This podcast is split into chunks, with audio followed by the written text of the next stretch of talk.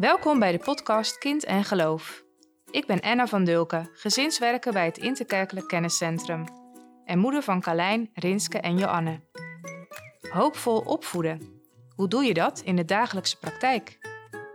In de week van de opvoeding stellen christelijke ouders in deze podcast hun vragen aan Christine Stam van Gent en dominee van Olst. Welkom bij deze podcast. Welkom aan onze gasten. Dominee van Olst, kunt u kort iets vertellen over wie u bent? Ja, ik ben uh, getrouwd met Johanneke en we hebben vijf kinderen in de leeftijd van uh, 19 tot uh, 2 jaar. Dus een beetje van alle markten thuis, zou je kunnen zeggen. En dus uh, opvoeden is voor ons heel belangrijk. En verder ben ik predikant en directeur van de Evangelische Hogeschool. Caroline, kun je je ook kort voorstellen? Nou, ik ben dus Caroline. Ik ehm, ben moeder van zes kinderen in de leeftijd van 12 tot en met bijna 2. Dankjewel.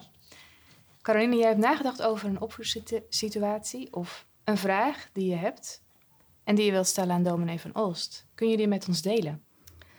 Um, mijn vraag gaat eigenlijk over um, uh, geloofsbeleving uh, tussen school en uh, de thuissituatie. we wonen aan de rand van de Bijbelbelt en de, ze zitten op een christelijke school, onze kinderen.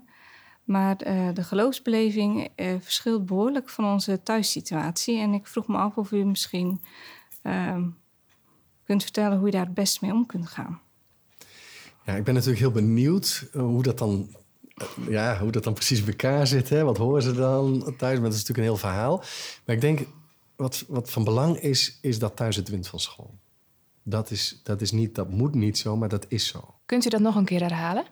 Ja, ik denk dat thuis wint van school. De invloed op je gezin en kinderen thuis is hoe dan ook groter dan school. Je hebt soms het gevoel van ze zijn lang van thuis weg en ze worden natuurlijk op school gevormd, maar dat is één jaar met één leerkracht en dat is natuurlijk ook wel een schoolperiode. Maar ja, ik heb wel eens gehoord dat onderzoeken uitwijzen dat de invloed van thuis gewoon verreweg groter is. Dus dat even ter bemoediging. Dat niet zomaar wat kinderen meekrijgen in een vertrouwde omgeving, een vertrouwensomgeving, dat uh, zo'n beeld zeg maar, zo heel snel aangepast wordt op school. En het is natuurlijk een hele spannende van in hoeverre kun je met je kinderen daarover praten. Hè? Je kinderen zijn vrij jong en je wil ze ook niet uh, minder loyaal laten zijn naar de school toe. Dus je bent daar voorzichtig in. Maar ik zou zelf wel alert blijven met welke verhalen komen ze thuis. En dat je ook zegt van, ja, hey, uh, nu zeg je dat wel, maar kun je er ook niet op een andere manier naar kijken? Of wij vinden ook wel heel erg belangrijk. En dan, dan geef je toch de vorming van thuis mee. En ik zou dat zelf liefst op een manier doen zonder dat je school heel expliciet af zou gaan vallen.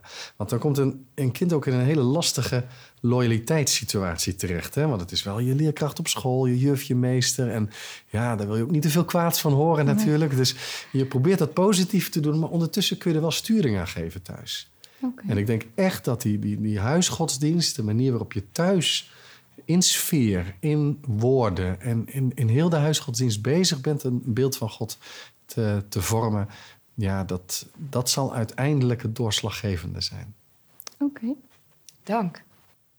Caroline, heb jij nog een concrete vraag voor dominee van Olst?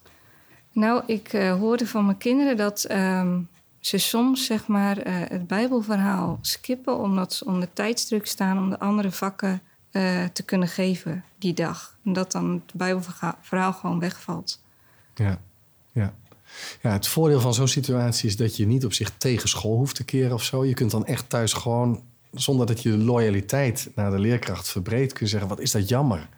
Want dat is eigenlijk het allerbelangrijkste in het leven. En al die vakken die zijn ook belangrijk, maar één ding moet voorop staan. En ik denk dat je dat, nou best een beetje teleurstelling naar de school, kun je best delen met je kind. Want je neemt ook in de opvoeding mee dat ze wel vaker op plekken komen die misschien niet helemaal perfect aansluiten bij de gezinssituatie. En dat ze soms ook leren hun eigen positie in te nemen. Kijk, lastiger wordt het bijvoorbeeld als er dingen op school zijn waar ze niet aan mee kunnen doen. Of echt dingen in Bijbelverhalen worden gezegd. Waarvan je zegt, ja, dat moet ik thuis echt even recht trekken. Dan wordt het nog spannender. En ook dan moet je gewoon een afweging maken van als het echt nodig is iets te corrigeren. Ja, je moet je kinderen echt vanuit je eigen overtuiging opvoeden. En daar hoort best een gesprek van hoe het op school gaat, kan daarbij horen. Dank. Dank jullie wel voor dit mooie open gesprek. Caroline, dank voor de vraag die je inbracht. En nog even die laatste concrete vraag. Dank je wel. Dank dominee van Os voor de nieuwe inzichten die u met ons wilde delen in de podcast Kind en Geloof. Graag gedaan.